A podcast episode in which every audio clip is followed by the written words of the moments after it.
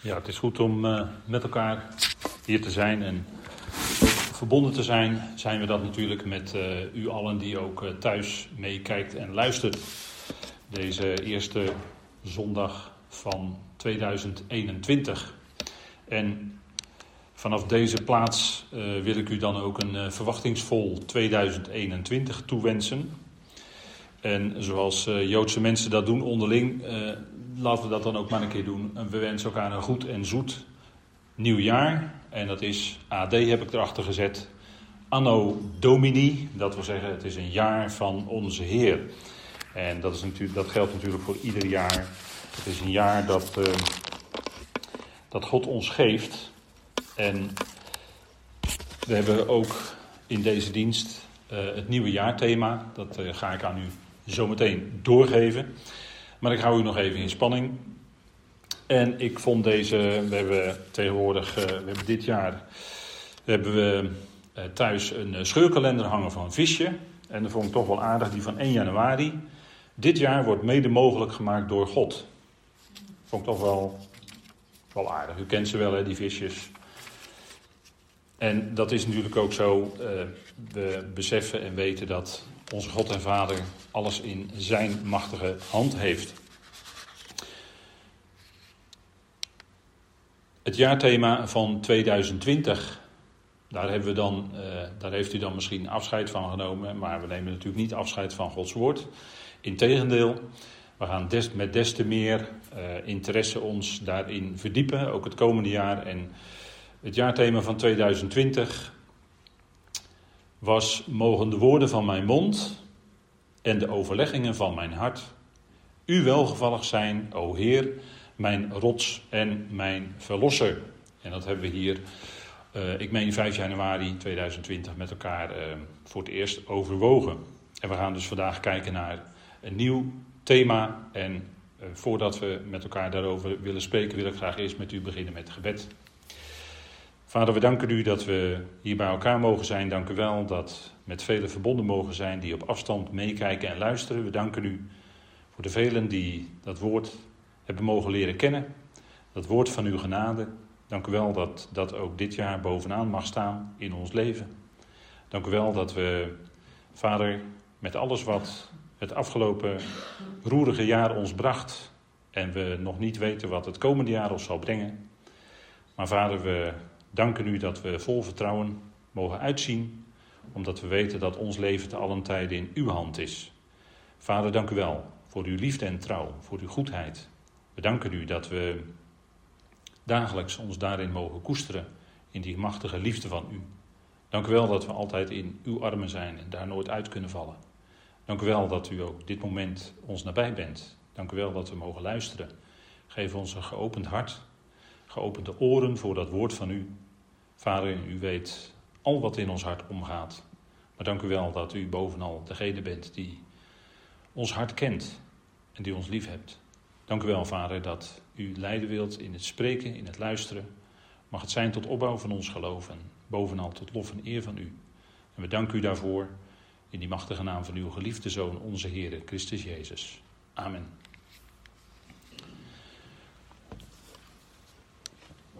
Spreuken, we hebben het gelezen. En daarnet is ook al verteld uit het leven van Salomo.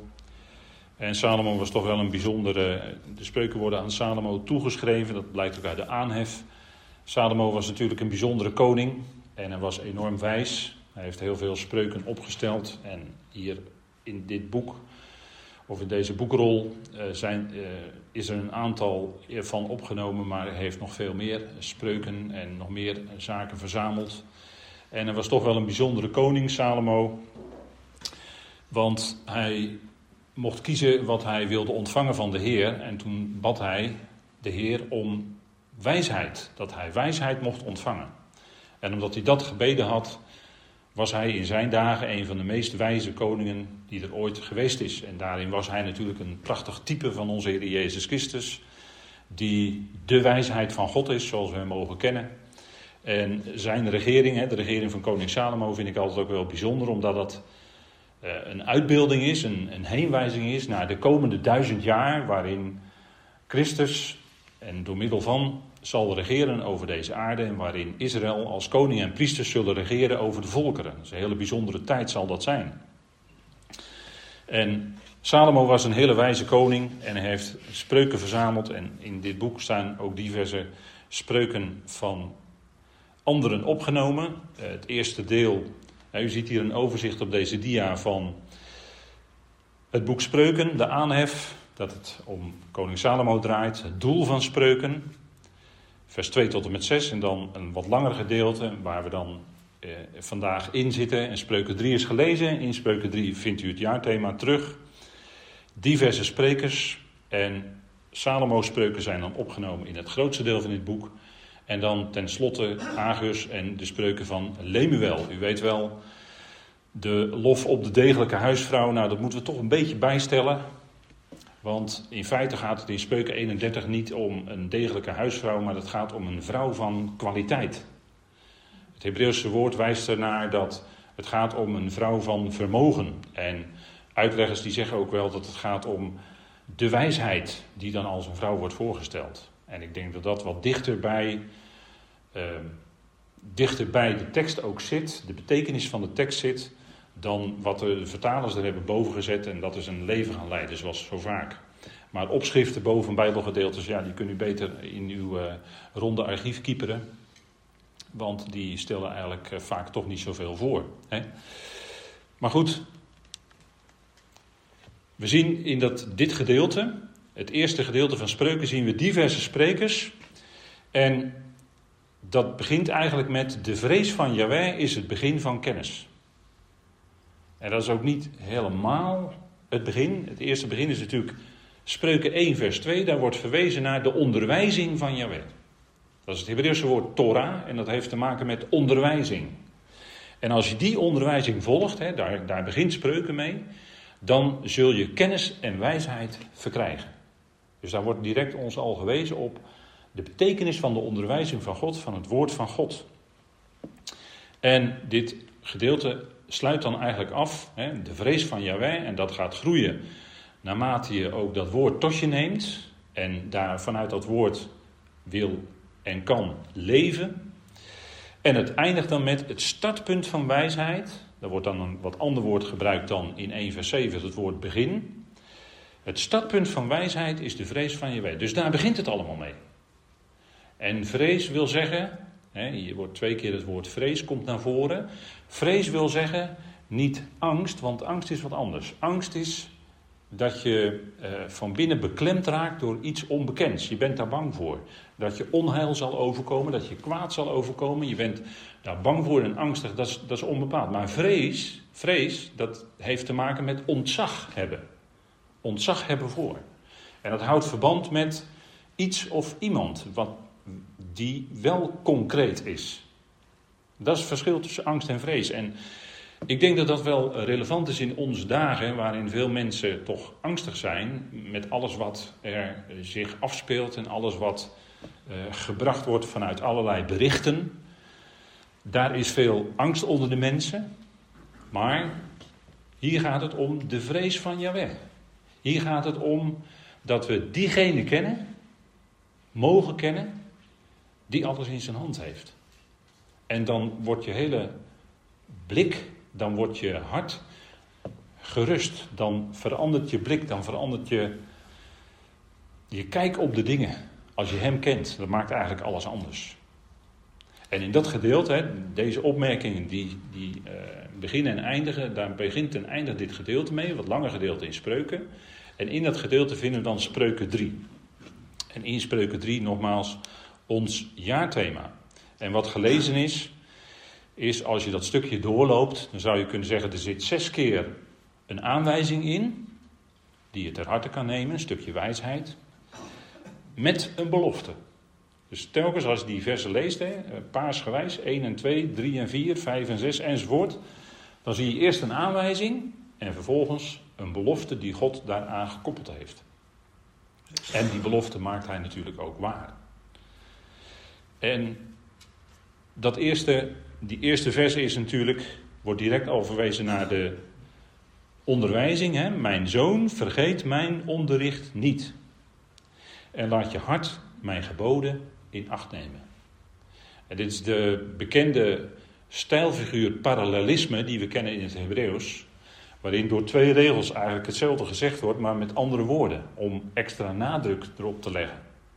En u ziet dat bijvoorbeeld mijn onderricht stemt overeen met mijn geboden of mijn aanwijzingen. dat zijn de bekende mitzvot in het Hebreeuws. En dan gaat dat stukje zo verder. U moet het maar eens aan de hand van deze sleutel, zou ik kunnen zeggen, doorgeven. Of doornemen. En dan in Spreuken 3 zit ons jaarthema. In Spreuken 3 zit ons jaarthema. En voor heel wat zal dat niet onbekend voorkomen, denk ik. Want het jaarthema is: vertrouw op de Heer met heel je hart en steun op je eigen inzicht niet. Dat is het nieuwe jaarthema voor 2021. En u ziet deze mooie illustratie is gemaakt door, wederom zou ik willen zeggen, door Art de Boer. En het is altijd fijn dat het zo werkt. Je stuurt hem een mailtje met die vraag, dit is het jaarthema. En dan krijg je na verloop van tijd een prachtige illustratie ervan terug. Zonder mankeren, zonder opmerkingen, zonder problemen. Hartstikke fijn. En ik vind het weer een mooie illustratie. Vertrouw op de Heer met heel je hart en steun op je eigen inzicht niet. En natuurlijk is er gewerkt met grotere letters en kleinere letters. Dat is natuurlijk om het, het eerste gedeelte, want daar gaat het natuurlijk om. Hè, om daar de nadruk op te leggen. En wat opvalt, als we net nog even gekeken hebben naar het vorige jaarthema Psalm 19. Het gaat opnieuw om het hart, hè? Het gaat om ons hart. Uh, ging het in het vorige jaarthema om de overleggingen van ons hart. En we kijken even terug in 2020, met alles wat daarin gebeurde. Dan denk ik dat u heel wat overleggingen van het hart heeft gehad. Ik in ieder geval wel. En dat er ook heel veel over gesproken is. De dingen die gebeuren, de dingen die rondgaan. En je hebt daar zo je overwegingen bij. Het, brengt je, het zet je hart, het zet je denken, het zet je overleggingen in beweging. En dan was het gebed van de psalmist in psalm 19: Mogen die overleggingen van mijn hart u welgevallig zijn. En als je dan terugkijkt in het licht van al die gebeurtenissen. En uiteindelijk zeggen we toch die Vader heeft laten plaatsvinden in 2020, die God heeft laten gebeuren in 2020. Hoe waren dan al die overleggingen? En die waren misschien niet altijd terecht. Die waren misschien niet altijd correct als u eerlijk, eerlijk bent. En als je terugkijkt, waren onze overleggingen dan altijd zo dat, dat daaruit sprak dat we die vol, volle rust in Vader hebben? Ik denk niet altijd, want een mens is een mens. En vaak lijken wij net mensen. We zijn gelovigen, maar we zijn mens. En we hebben zo onze emoties. En we hebben zo onze, ja, hoogten en diepten, ook in onze emoties. En, en alles wat het afgelopen jaar heeft gebracht, dat had je van tevoren niet kunnen bedenken. Dat had je niet kunnen bedenken. En wat het komende jaar geeft, dat kun je ook niet bedenken. Maar er is één die dat weet. En daar rusten wij dan vol vertrouwen in. En dat is wat het jaarthema zegt. Het richt eigenlijk ons hart naar boven. Het bepaalt ons niet zozeer bij de overleggingen van ons hart, maar het bepaalt ons meer bij onze Heer die we mogen kennen. Vertrouw op de Heer met heel je hart. Dan gaat het dus om echt, er staat een duidelijk Hebreeuws woord, kol, en dat betekent heel je hart, allesomvattend. Het gaat, er, hè, het gaat helemaal om dat de Heer helemaal beslag op je hart heeft. En ja, wij als gelovigen mogen weten uit, uit de schriften dat God zijn geest in ons hart heeft gegeven. En daarmee ook zijn liefde. En dat maakt ook alles anders. Dat maakt ons hart anders. En dat leidt ertoe dat we niet op ons eigen inzicht steunen. Nou, we gaan er wat verder naar kijken, naar dit jaarthema. Ik denk toch bijzonder.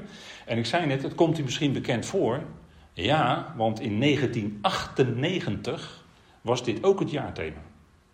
Dus dat is ruim 20 jaar geleden. En dat is wel bijzonder dat we dus nu voor de tweede keer, met al die jaarthema's die er in al die jaren geweest zijn, hetzelfde jaarthema hebben. Ik denk toch bijzonder is. Iemand zei dat in het begin tegen mij, van joh, dat is al een keer een jaarthema geweest. Ik zei, ja, maar ik zie dat zo dat God het aan ons geeft. En dat doet hij door een mens die dat dan aanreikt. Maar ik geloof dat God het aan ons geeft en dat het niet voor niets is. Dat het dan voor de tweede keer aan de orde komt. Omdat we geloven, en ook met deze dingen, wij geloven, hè, wat, wat Romeinen 11 zegt, dat alles uit God is. Dus ook dit jaarthema. En daarom kun je niet zomaar zeggen van, het klopt niet, want we hebben al een keer dit jaarthema gehad. Nee, God geeft het opnieuw in ons midden. Dat is denk ik van belang, hè? Nou, we gaan maar even kijken naar dat jaarthema. Vertrouw op Yahweh in heel jouw hart en steun niet op jouw verstand. En u ziet hier een plaatje van Adullam, de spelong van Adullam, waar David bij gelegenheid zich in kon verbergen. Dat is natuurlijk een prachtig beeld, hè? een prachtig type. David, die schuilt in de rots. En we weten uit de schriften dat de rots is een type van de Christus. Dus wij zijn eigenlijk in Hem. Hè? God ziet ons in Hem. Dus wij schuilen eigenlijk altijd in Hem, in die rots, in de Christus. Prachtig beeld, hè? Daar moest ik aan denken toen ik dit las. Vertrouw op Yahweh in heel jouw hart en steun niet op jouw verstand. En denk erom dat eh, Salomo een koning was. Die was heel slim. Dat was echt een uh, geleerde. Dat was iemand met veel wijsheid, met veel kennis. En toch zegt hij dit. althans, spreuken in zijn geheel schrijven we toe aan Salomo. En dat woord vertrouwen, dat woord vertrouwen, dat is natuurlijk belangrijk voor ons. Want waar gaat het om in het leven? Het gaat om vertrouwen. Als jij niets kunt vertrouwen, dan heb je een slecht leven. Maar als je God mag kennen en je leven en je vertrouwen op God stelt, dan geeft dat rust, dan geeft dat uitzicht, dan geeft dat uh, ja, een, een, stabiliteit in je leven. Die zou je als gelovige ook andere mensen toewensen. Alleen God geeft niet het geloof in deze tijd aan iedereen, maar je zou het zo graag die ander willen, als het ware willen ingieten, hè? Dat, dat, dat vertrouwen. Kijk, vertrouwen heeft te maken dat je je volkomen veilig weet bij God. In, in ons geval natuurlijk uiteraard bij God. Dat je je volkomen veilig weet bij. Dat zegt dat woord vertrouwen eigenlijk. En dat komt meerdere keren in de schrift voor.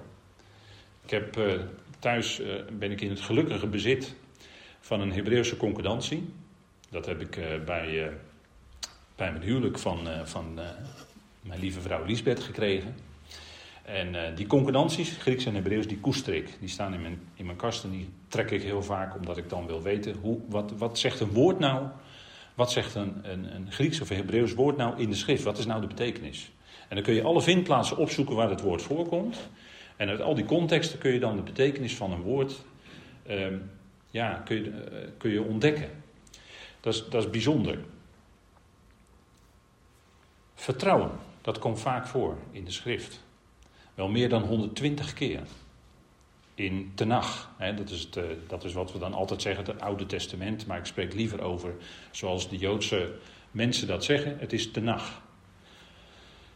De Hebreeuwse schrift. Onderwijzing. En die onderwijst ons over wie God is. Want daar gaat het om. Hè? De schriften laten zien wie God is. Wie in, in deze tekst, wie Yahweh is. En het gaat ook om heel jouw hart. Het vertrouwen op Yahweh met heel jouw hart. Zonder reserves dus. Heel veel mensen die bouwen in hun leven zekerheidjes in.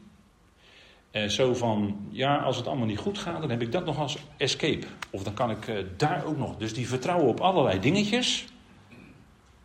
Terwijl het voor ons erom gaat, ja, we vertrouwen volledig op de Heer. En we zullen daarvan ook wel wat voorbeelden zien die ons in de schrift getoond worden illustraties. Met heel jouw hart, dat wil zeggen, alles voor Hem. En een hart bestaat ook letterlijk uit kamers. En zo zou je je levenshuis of je hart ook kunnen zien, hè, met allemaal kamertjes erin en allemaal compartimentjes. En is het nou zo dat al die deeltjes van ons hart, al die dingen waar we mee bezig zijn, is het dan allemaal bij Hem bekend? Is het dan allemaal van Hem? Is hij, eh, is hij daar, maak je Hem daar ook vertrouwd mee? Heel jouw hart. Alles voor Hem. Heel mijn hart is van u. Kunnen dat ook zeggen vandaag, ja Heer, heel mijn hart is van u. En ik denk dat dat met alles wat een mens kan meemaken, dat het soms wel eens moeilijk ligt. Dat je reserves hebt, dat je moeite hebt, moeite hebt om dat naar God toe te kunnen uitspreken. Alles is voor Hem. En het tweede deel gaat één steun niet op jouw verstand. Hè? Dat vloeit er automatisch uit voort. Hè? Vertrouwen op Yahweh, dan vertrouw je dus op Hem. En dan steun je ook op Hem. Dan, dan bouw je je huis, en dat is zo'n prachtig verhaal hè, in de schrift, en dat lees je dan aan je kleinkinderen voor. Een wijs man bouwde zijn huis op de rots. En een dwaas op het zand. En kijk maar wat er gebeurt. We zeggen, ja, dat is een les voor kinderen. Ja, dat is ook een les voor u en mij. Ook als u al 60, 70 jaar geleefd heeft. Dan is dat nog steeds die les hoor. Bouw je levenshuis op hem. En steun niet op jouw verstand. Dat zei hè, dat, koning Salomo. Jawel. Het gaat natuurlijk om hem. Hè. In dit jaarthema gaat het om hem. Gaat het om Yahweh. De God van Israël. De God en Vader van onze Heer Jezus Christus. Dat is dezelfde.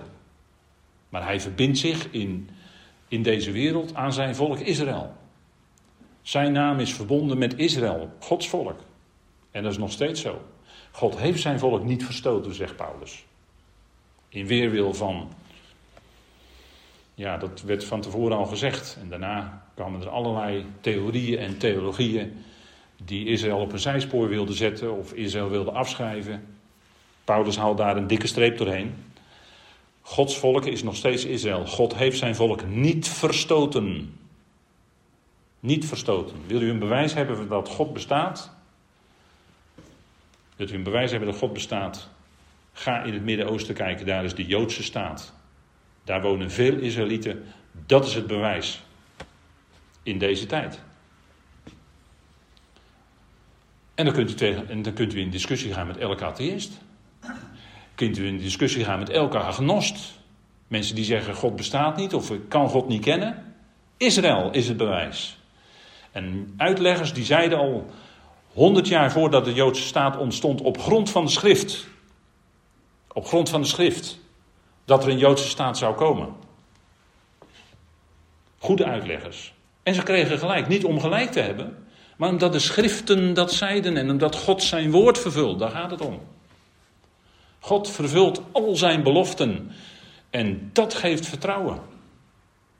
Die God die zijn schriften vervult, geeft je vertrouwen dat hij de belofte die hij aan u en mij gegeven heeft ook zal vervullen. Natuurlijk. En dat is misschien voor u dat u zegt, ja dat weet ik zeker, dat is helemaal geen twijfel bij mij. Nou, fijn, heel fijn. Als u dat vertrouwen heeft gekregen, is dat heel fijn. En, en telkens weer blijkt dat God, die grote God, Yahweh van de schriften, hij vervult zijn woord. Het gaat niet om wat mensen zeggen, want we zouden niet op ons eigen inzicht steunen, dus niet steunen op inzicht van mensen. Jouw eigen inzicht is inzicht van de mensen. Daar zouden we niet op steunen. Nee, we zouden Yahweh vertrouwen, zijn woord. Yahweh, degene die zegt in zijn naam, daar zit zoveel in. Ik was, ik ben en ik zal zijn. En als je het heel precies zegt, moet je het eigenlijk omkeren. De naam begint met ik zal zijn. En het tweede deel van de naam is ik ben. En het slot van de naam is ik was. En dat wordt in openbaring, in het Bijbelboek Openbaring, wordt dat helemaal uitgewerkt. Daar wordt ook gezegd, hij die is, die was en die komt. Dat is de naam. Dat is de naam Jahweh. En dat zit natuurlijk ook in de naam van onze Heer. Hè? Jezus is Yahweh, redder. En dat is, is helemaal geen verbazing als hij die naam krijgt, of zou dat geen verbazing moeten wekken? Zeker niet voor de Israëlieten. Want Yahweh, redder, dat is luid en duidelijk in Tenach.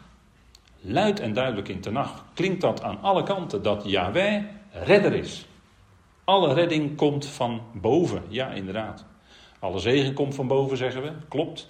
Maar alle redding komt ook van boven, dat is ook zegen. Hij die was, hij die is en hij zal er zijn. Dat is geweldig, hè? Dat hij is daar, hij is er.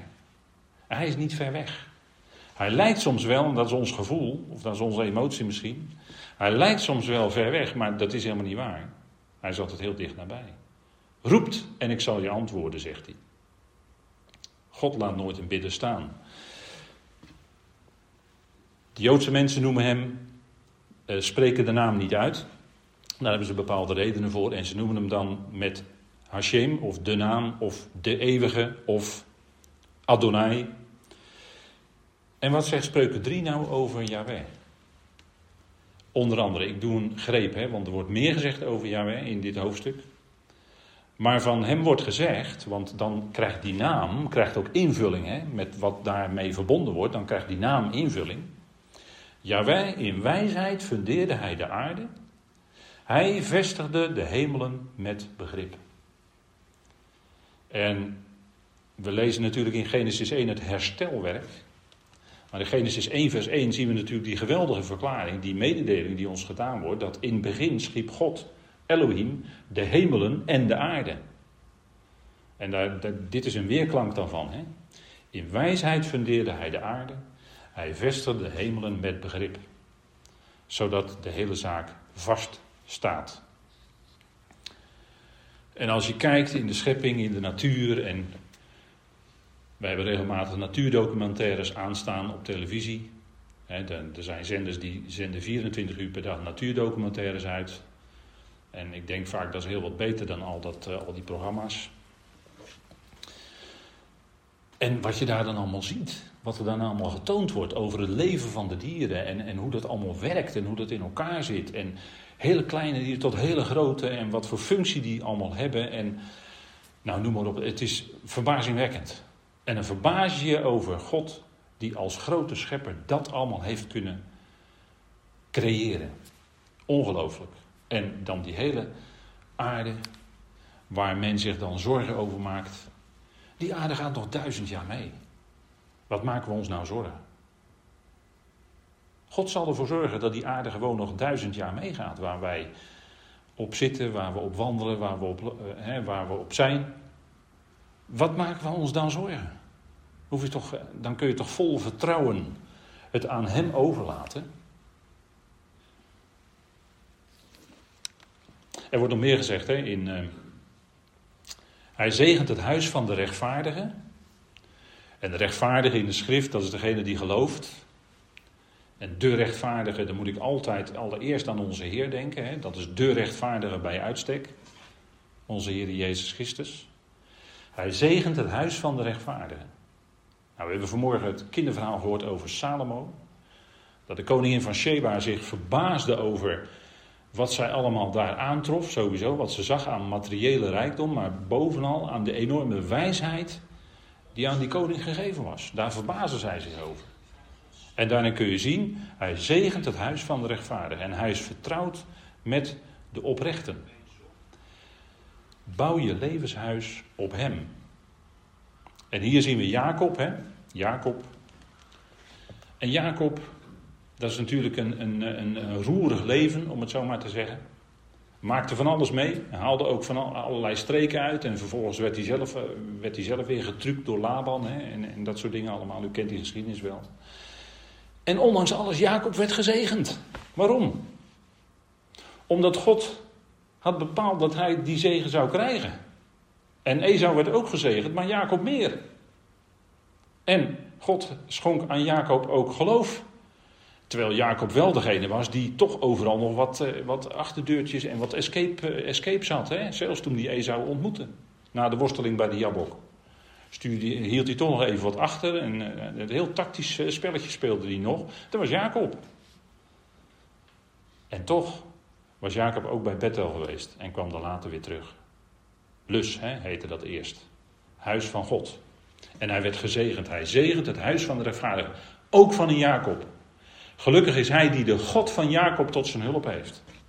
En dat woord Ezer, hulp, dat is niet ik doe een heleboel en God zal me ook nog wel helpen. Nee, dat betekent dat God alles doet. Dat betekent helper eigenlijk volgens hè, als, je, als je dat nagaat. Hij is je helper, dat wil zeggen, hij doet het in je leven. En hij is vertrouwd met de oprechten. Kijk, als het gaat om vertrouwen, dan spreken die psalmen daar ook. En die psalmen spreken ons altijd aan omdat daar de emoties van de psalmist ook naar voren komen. Uh, het, het, is zo heel menselijk. Hè? David blijkt ook gewoon een mens te zijn. Uh, andere psalmisten, zoals Asaf, uh, blijken ook mensen te zijn. En die schrijven dan over hun, hun, emoties en hun relatie met God. En hoe ze worstelen en hoe ze roepen tot God. En dat spreekt ons aan. Ja, natuurlijk. En, en een, men heeft wel gezegd, in onze Bijbel, de volgorde die wij dan hebben in onze Bijbels, is dit kernvers. Het middelste vers. Het is beter tot Jahweh de toevlucht te nemen dan op een mens te vertrouwen. Psalm 118, vers 8. En, en als ik zou zeggen, eh, één tekst zegt het allemaal, dan is het deze tekst. Hè? Die zegt het allemaal. Je kunt beter tot Jahweh je toevlucht nemen dan op een mens vertrouwen. Want op mensen vertrouwen. Kijk maar in de wereld om je heen. Dat stelt toch teleur hoor. Dat stelt vaak, heel vaak teleur. Mensen stellen heel vaak teleur. Dan kun je beter tot Yahweh je toevlucht nemen en op hem vertrouwen dan op een mens. Kijk, als we even terugkomen bij dat jaarthema, dan wordt het in die volgende versen van Spreuken 3 wordt dat uitgewerkt. Hè?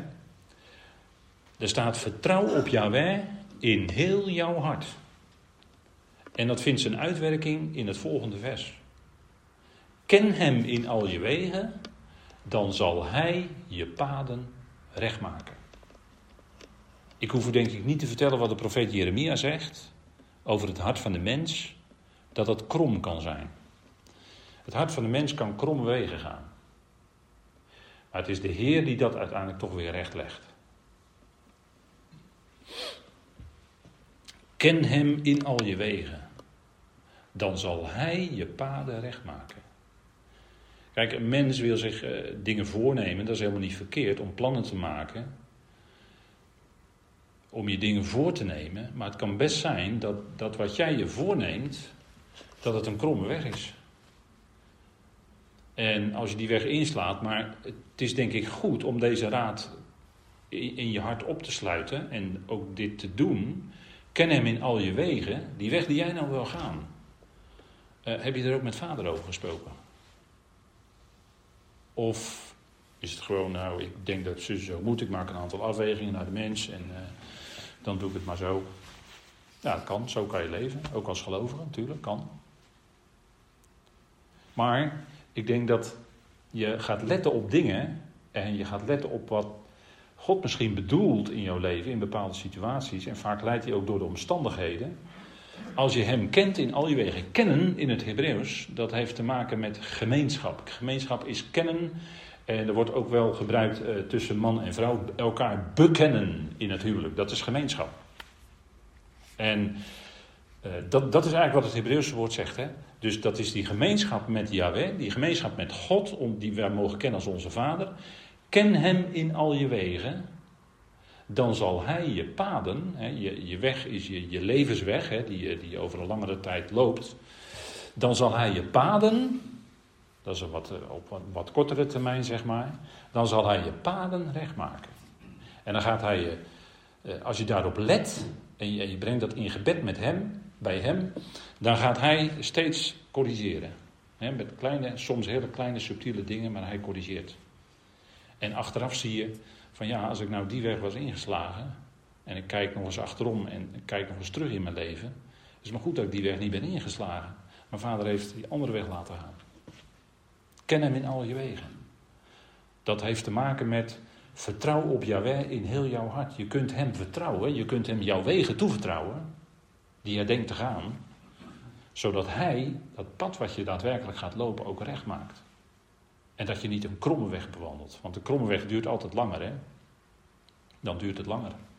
Dan komen de problemen en dan moet je die problemen misschien overwinnen. Terwijl achteraf had je gezegd van, had ik het nou maar niet zo gedaan, dan had ik die, al die problemen niet willen overwinnen. Want nou ben ik toch daar gekomen. Maar wel via allerlei probleempjes. En dat had misschien voorkomen kunnen worden als ik het met vader had besproken en hij die rechte weg geeft. Kijk, ik had het net over Jacob, daar moet ik dan aan denken. Jacob kwam bij lus. En lus betekent een lus. Hè? We maken een lus. Dat is het Hebreeuwse woord, maar dat is ook dit. Dat is gewoon ook letterlijk een lus. En dat heette later Bethel. En vanaf dat punt Uh, Jacob die, wilde, die had door een handigheidje wilde hij het eerstgeboorterecht, de zegen van het eerstgeboorterecht krijgen, was hem al beloofd. Maar toch wil hij als het ware proberen dat zelf voor elkaar te boksen, zekerheid inbouwen, noem alles maar op. En het zorgde ervoor dat hij een lust in zijn leven had. Hij ging naar Laban en dat duurde twintig jaar en toen kwam hij weer terug. Maar het duurde wel twintig jaar. En natuurlijk, achteraf weten we, ook dat moest uiteindelijk toch zo zijn. Maar die rechte weg, dan had hij heel, die hele gang naar Laban niet hoeven maken enzovoort.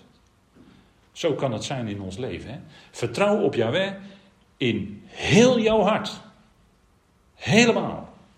En het hart in de schrift is de kern van het menselijke bestaan. Alles wat erin komt, dat bepaalt hoe jouw hart is. En de mens kan allerlei overleggingen van het hart hebben. En, een hart, en het is niet een, een, een, onderscheid tussen je verstand en je hart. Maar in de schrift is het zo dat jouw verstand, jouw overweging hebben alles te maken met je hart. Dat, is, dat, dat heeft een direct verband met elkaar. Dus wat in jouw hart komt, dat bepaalt hoe jouw hart is. Toegangspoorten tot je hart, dat weet u, dat is ook spreuken, spreuken 4, zijn je oren en je ogen. En we leven in een tijd waarin heel veel aangeboden wordt door de media voor oren en ogen.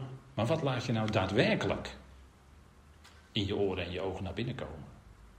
Is dat datgene wat jouw hart dan onrustig maakt, uh, angstig maakt en, en uh, alle kanten op laat gaan, behalve, u weet wel, naar boven toe?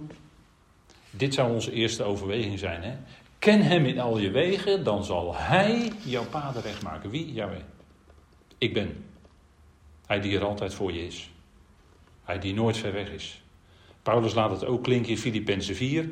De Heer is nabij. Dat is ik ben. Dat is hetzelfde.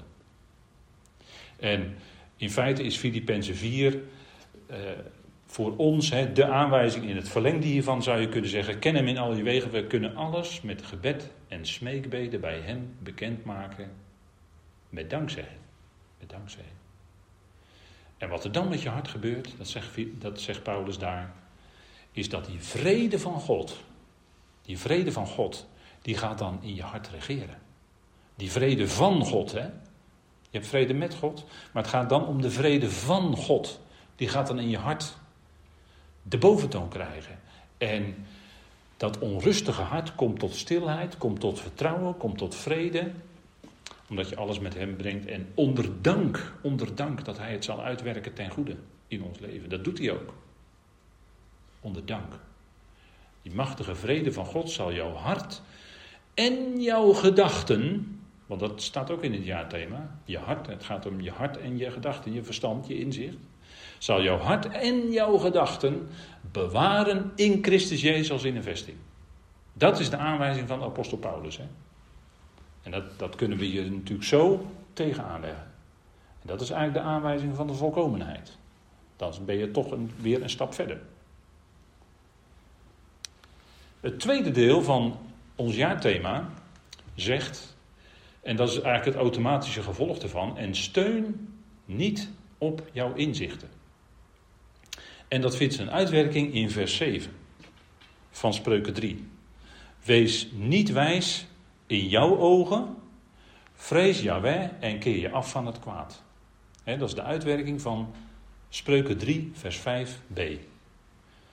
En u ziet, ik vond het tegeltje op internet. Ik ben niet eigenwijs, maar mijn manier is gewoon beter. Ja, en je komt wel eens eigenwijze mensen in je leven tegen. En uh, je betrapt jezelf natuurlijk ook wel eens op dat je soms flink eigenwijs kunt zijn. maar je komt wel eens mensen in je leven tegen en die weten alles beter. Die weten alles beter. En dan na verloop van tijd, dan denk je van ja, ach, ach, zou het nou wel zo zijn? Maar het punt is dat als we kijken in de schrift, dan zegt uh, de wijsheid van de spreuken hier. En spreuken, hè, dat, is, uh, dat zijn die uitspraken die eigenlijk, ja, die zou je kunnen zeggen, die, die eigenlijk ons leven zouden kunnen regeren. Die wijsheid die erin zit, laat dat nou je leven regeren. Hè? Dat zegt het woord spreuken eigenlijk. Maar steun niet op jouw inzicht. Dus vertrouw op de Heer met heel je hart. Houdt automatisch in dat je niet, op, niet langer op je eigen inzicht. De, de Heer gaat dat steeds meer corrigeren in je leven. En die helpt je steeds meer van jouw inzichten af, zodat je steeds meer zijn aanwijzingen gaat volgen. En daar kun je je hele leven over doen. Want uh, ja, uh, mensen zeggen wel eens uh, hoe, hoe, ouder, hoe. Hè? Maar kijk, wees niet wijs in jouw ogen. Dat is wel een aanwijzing die we ook nog terugvinden bijvoorbeeld bij Jezaja. Ik heb de teksten daar erbij gezet. Maar ook in Romeinen 11. Paulus komt daar ook op terug. Opdat we niet zouden, wijs zouden zijn in eigen ogen, zegt Paulus daar in Romeinen 11 in verband met Israël dat een gedeeltelijke verharding over Israël is gekomen, maar niet helemaal. Dus God heeft dat volk absoluut niet afgeschreven. Integendeel zelfs, hij heeft het volk lief. Tot op vandaag de dag. En in Romeinen 12, hè, als het gaat voor onze praktijk, voor onze wandel, dan zegt Paulus: wees niet eigenwijs. En dan zegt hij tegen gelovigen, dat zegt hij tegen u en mij. En Paulus was zelf vroeger een fariseer en denk erom dat fariseërs ook flink eigenwijs kunnen zijn. Maar de Heer had Paulus wel van die eigenwijsheid afgeholpen. En, en als wij onze wijsheid verruilen voor die wijsheid van God, nou dat is mooi, want dan word je gelijk van je eigen wijsheid afgeholpen. Dat is denk ik fijn, hè, als u uw eigen wijsheid wat kwijtraakt. Wees niet wijs in jouw ogen, maar vrees weg. En dan is het automatische gevolg hè, dat je wijkt van het kwaad, dat je afkeert van het kwaad. Je kent God, je spreekt met Hem. En dan wil je automatisch met dingen die te maken hebben met het kwaad. En er is heel veel kwaad wat rondgaat in deze wereld. Wat afwijkt van, van God. Daar wil je er niet mee te maken hebben. En dat is het automatische gevolg daarvan. Het is nooit zo in de schrift van nu moet jij dit of dit doen, of nu moet jij dat of dat doen. Zo is het nooit in de schrift. En bij Paulus zijn al zijn aanwijzingen in genade. Dat wil zeggen, hij geeft ons adviezen. Het zijn geen dwingende regels waar straf achter zit, met de stok achter de deur. Nee, we zijn geredden in genade. Paulus geeft ons wel allerlei aanwijzingen. Als hij ons dan aanwijst als gelovige, Romeinen 12, vers 16, wees niet eigenwijs, dan denk ik dat, het, dat hij daar wel iets mee bedoelt. Want eigenwijsheid onder gelovigen kan gelovigen heel snel uit elkaar drijven natuurlijk. De een die weet het goed en de andere weet het beter en de andere weet het nog beter. En dan krijg je kerkscheuringen van. Getuigen onze geschiedenis in Nederland. Hoef alleen maar in, eh, heel dicht in ons eigen Nederlandje te blijven. Ik kan u een aantal, maar dat is alleen maar heel verdrietig. Ik kan u zo een rijtje kerkscheuringen opnoemen. Maar dat, dat is niet zo interessant, dat weten we allemaal wel. Dat is verdrietig. Het heeft te maken met eigenwijze mensen. Met harde koppen. Die niet willen buigen. Voor elkaar. Maar die het beter weten. Dat, dat, is, dat, is, dat is verdrietig. En ik denk dat zo'n aanwijzing van Paulus in Romeinen 12 toch niet voor niks is. met alles wat hij daar verder nog zegt. En dat is natuurlijk een genadevol iets wat hij ons aanreikt. En dat reikt het jaarthema ons dus aan. En steun niet op jouw inzicht. Maar we zouden volgen wat God in zijn woord zegt. En dat, die aanwijzingen zijn duidelijk. Kijk, de psalmist, die wende zich tot het woord. Hè. Psalm 119 is een prachtige psalm. En daar moet je echt de tijd voor nemen. Maar die bezingt op allerlei manieren dat machtige woord van God. En als je, als je al die aanwijzingen leest, dan, dan lees je eigenlijk dat, de, als het ware kun je zo die, die hele psalm in de woorden van onze Heer Jezus Christus leggen. In de, in de mond van onze Heer Jezus Christus leggen, al die woorden. Hij leefde die Torah helemaal uit. Hij leefde dat woord van God helemaal uit. Hij had dat woord in zijn binnenste en hij leefde daarop. Hè? En zo, als je zo op die manier die psalm en ook de psalmen leest, dan krijgt het een enorme diepte ineens. Hè? Laat uw goedgunstigheid over mij komen, Yahweh. Uw redding overeenkomstig uw beloften. dan kan ik met een woord hem die mij hoont antwoorden. Want ik vertrouw op uw woord. Ook dat is hè, over vertrouwen gesproken. Er wordt datzelfde woord vertrouwen gebruikt als in ons jaarthema. Ik vertrouw op uw woord. En daarmee steun ik niet langer, wil ik niet langer steunen op mijn eigen inzicht. Daar, daar helpt God je dan stap voor stap vanaf. Neem het woord van de waarheid niet helemaal van mijn mond, want ik hoop op uw inzettingen. En het woord van de waarheid, dat kunnen we ook, hè, dat is ook een uitdrukking die bij Paulus gebruikt wordt. Het woord van de waarheid van het evangelie. Neem dat niet uit onze mond weg. Maar dat evangelie is, dat blijft, hè, dat het evangelie wat, wat de apostel Paulus mocht brengen. Dat is het woord specifiek wat voor vandaag klinkt. En, en, en mag klinken en klinkt aan alle kanten. Want het vertelt over die grote God. Die alles in zijn hand heeft. Die grote God die met ieder tot zijn doel gaat komen. Die grote God die de redder is van alle mensen. Over Yahweh, redder gesproken. Hè? Hij is de redder van alle mensen. Niemand uitgezonderd. En ik hoop op uw inzettingen. Nou, dat zegt de psalmist. Hè? En, en dat is een prachtige psalm, 176 versen. Dus je doet er wel even over om hem door te nemen. Maar ik raad u het aan, het is boeiend. En voorbeelden. Wie zijn nou voorbeelden? Illustraties van vertrouwen op Yahweh. Want uh, vaak zegt een voorbeeld, of een plaatje zegt meer dan duizend woorden, zeggen we wel eens. Of een, of een voorbeeld uit een leven. En dan koning Hiskia, Abraham kan ik noemen. Abraham die geloofde God, hij vertrouwde op God. Hij liet, verliet dat Ur der Galdeeën, waar, uh, waar best wel wat, uh, het was een rijke familie waar hij in zat. Ze vereerden daar weliswaar wel de maangod Zin in Oer, maar hij moest daaruit weg. En hij vertrok zonder, zonder dat hij wist waar hij komen zou. Maar hij vertrouwde Jaweh, hij vertrouwde dat woord wat hij hoorde. En hij ging op weg. En God zegende hem rijk. Isaac zou ook kunnen noemen. En koning Hiskia, dat is wel een mooi voorbeeld uit, uit de schrift. Op een gegeven moment was uh, Jeruzalem was omsingeld door de, door de Assyriërs. Hè, en uh, Sanherib die was opgetrokken. En was helemaal omsingeld. En dan, uh, dan stuurt koning Hiskia, die, ja, die, die, kon, die kon geen kant op. Jeruzalem zat in een soort lockdown, zeg maar. Dat woord zal u niet onbekend voorkomen, denk ik.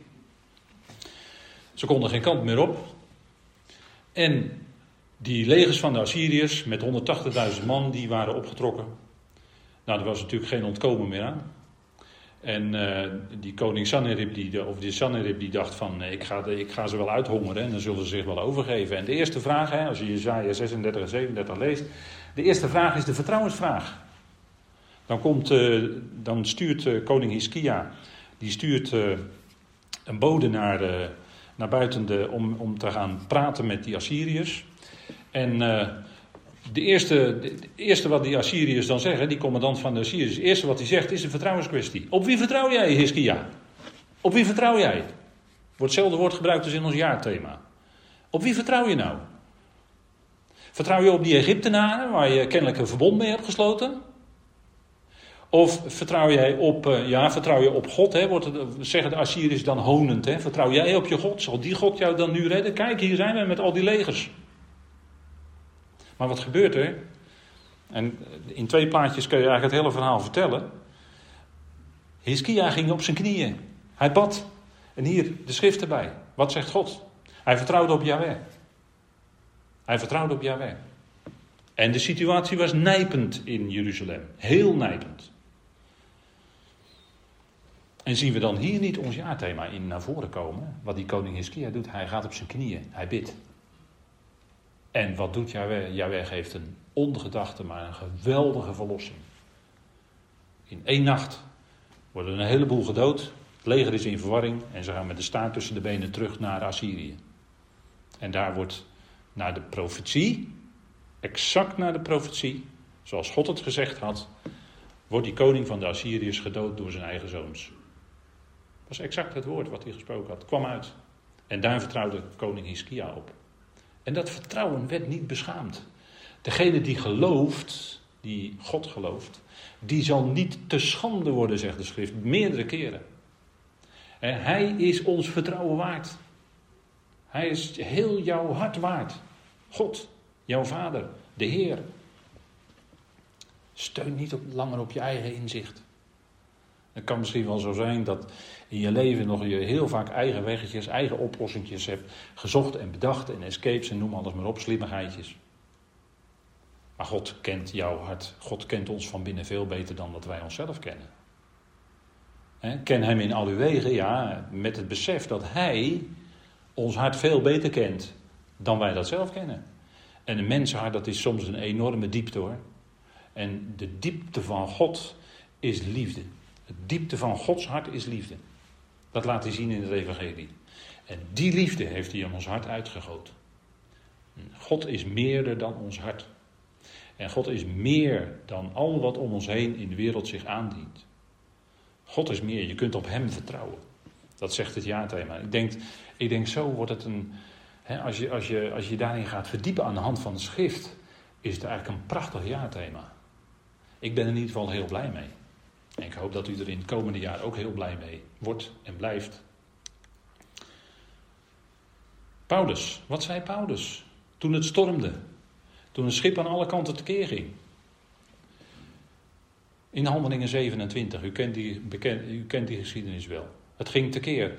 En ze kwamen in die storm omdat ze niet geluisterd hadden naar de woorden van Paulus. Dat zat ook een, zoek niet maar eens na, Handelingen 27. Hè. Ze hadden, de bemanning had niet geluisterd naar de woorden van Paulus. En ze kwamen midden in de storm terecht. En Paulus bemoedigt ze. En ik denk dat dat ook een punt is voor ons. Paulus bemoedigt ons. God via die apostel bemoedigt ons. Heb daarom goede moed, mannen. Want ik geloof God. Daar spreekt het diepe vertrouwen van de apostel in zijn God, die hij als geen ander kende als de Yahweh, de ik ben van de schriften. Want ik geloof God dat het zo zal zijn als het mij gezegd is. En dat kunnen wij ook volledig in vertrouwen hem nazeggen. Zoals het ons aangezegd wordt in de schriften. Daar kunnen we God volledig met heel ons hart op vertrouwen. Hij zal zijn woord vervullen. Niet al onze theorieën, niet al onze gedachten, zelfs niet onze gedachten over het woord. Nee, hij vervult zijn woord. Dat zal hij doen. En hij is liefde en hij heeft ons bovenmate lief. Het zal zo zijn zoals het gezegd is. Zoals God die woorden aanreikt voor ons specifiek via de apostel Paulus en natuurlijk heel de schrift. Maar voor ons specifiek dat evangelie. Het zal zo zijn als het mij gezegd is. Daarom vertrouw op de Heer met heel je hart en steun op je eigen inzicht niet. Amen. Goed, ik uh, wilde graag met u de Heer danken. Vader, we danken u dat we een moment stil konden staan bij ons nieuwe jaarthema. Dank u wel dat dat ons aanzegt dat we ons volledige vertrouwen, Vader, met heel ons hart op u kunnen stellen. Wat is dat geweldig. U bent die grote God die door uw zoon naar de mensen toe is gekomen. En dank u wel dat hij alles heeft gedragen 2000 jaar geleden. Dat hij een levende Heer is, daar is opgewekt uit de dood. Vader, dank u wel dat we uit die genade die dat oplevert mogen leven, elke dag. Vader, dank u wel dat we ons ten diepste geen zorgen hoeven te maken, omdat we weten dat u zorgt. We mogen op u vertrouwen, we vertrouwen op u met heel ons hart. En we danken u voor dat geweldige woord en dat dat vervuld zal worden. Vader, dank u wel voor uw trouw, voor uw liefde, dat u werkelijk alles draagt. Vader, we beseffen aan het begin van dit jaar dat u daar bent en dat met alles wat gaat komen, nooit, maar dan ook nooit het u uit handen zal lopen. Dank u wel, Vader, voor dat vaste woord van u, waarop we kunnen staan.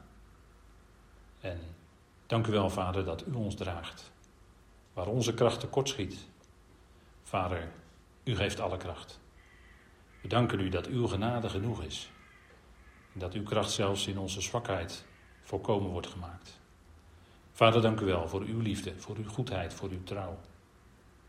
Dank u voor dit jaarthema. Dank u dat u ons opnieuw uitbij bepaalt. Vader, het gaat niet om ons inzicht, maar het gaat om uw wijsheid. En dank u wel dat het wijsheid is wat u doet, ook in ons persoonlijk leven, dag aan dag. Vader, we danken u daarvoor. We danken u u mogen vertrouwen voor al die dagen die nog gaan komen in het komende jaar. Met dat uitzicht, met die verwachting waarin we leven. Vader, we danken u dat u nabij bent bij hen die het op dit moment moeilijk hebben. Bidden bijzonder voor Joke Spanjersberg en haar familie wil hen nabij zijn. Vader, en wilt u daarin ook uw genade geven. We danken u dat u dat ook doet. We danken u voor uw trouw.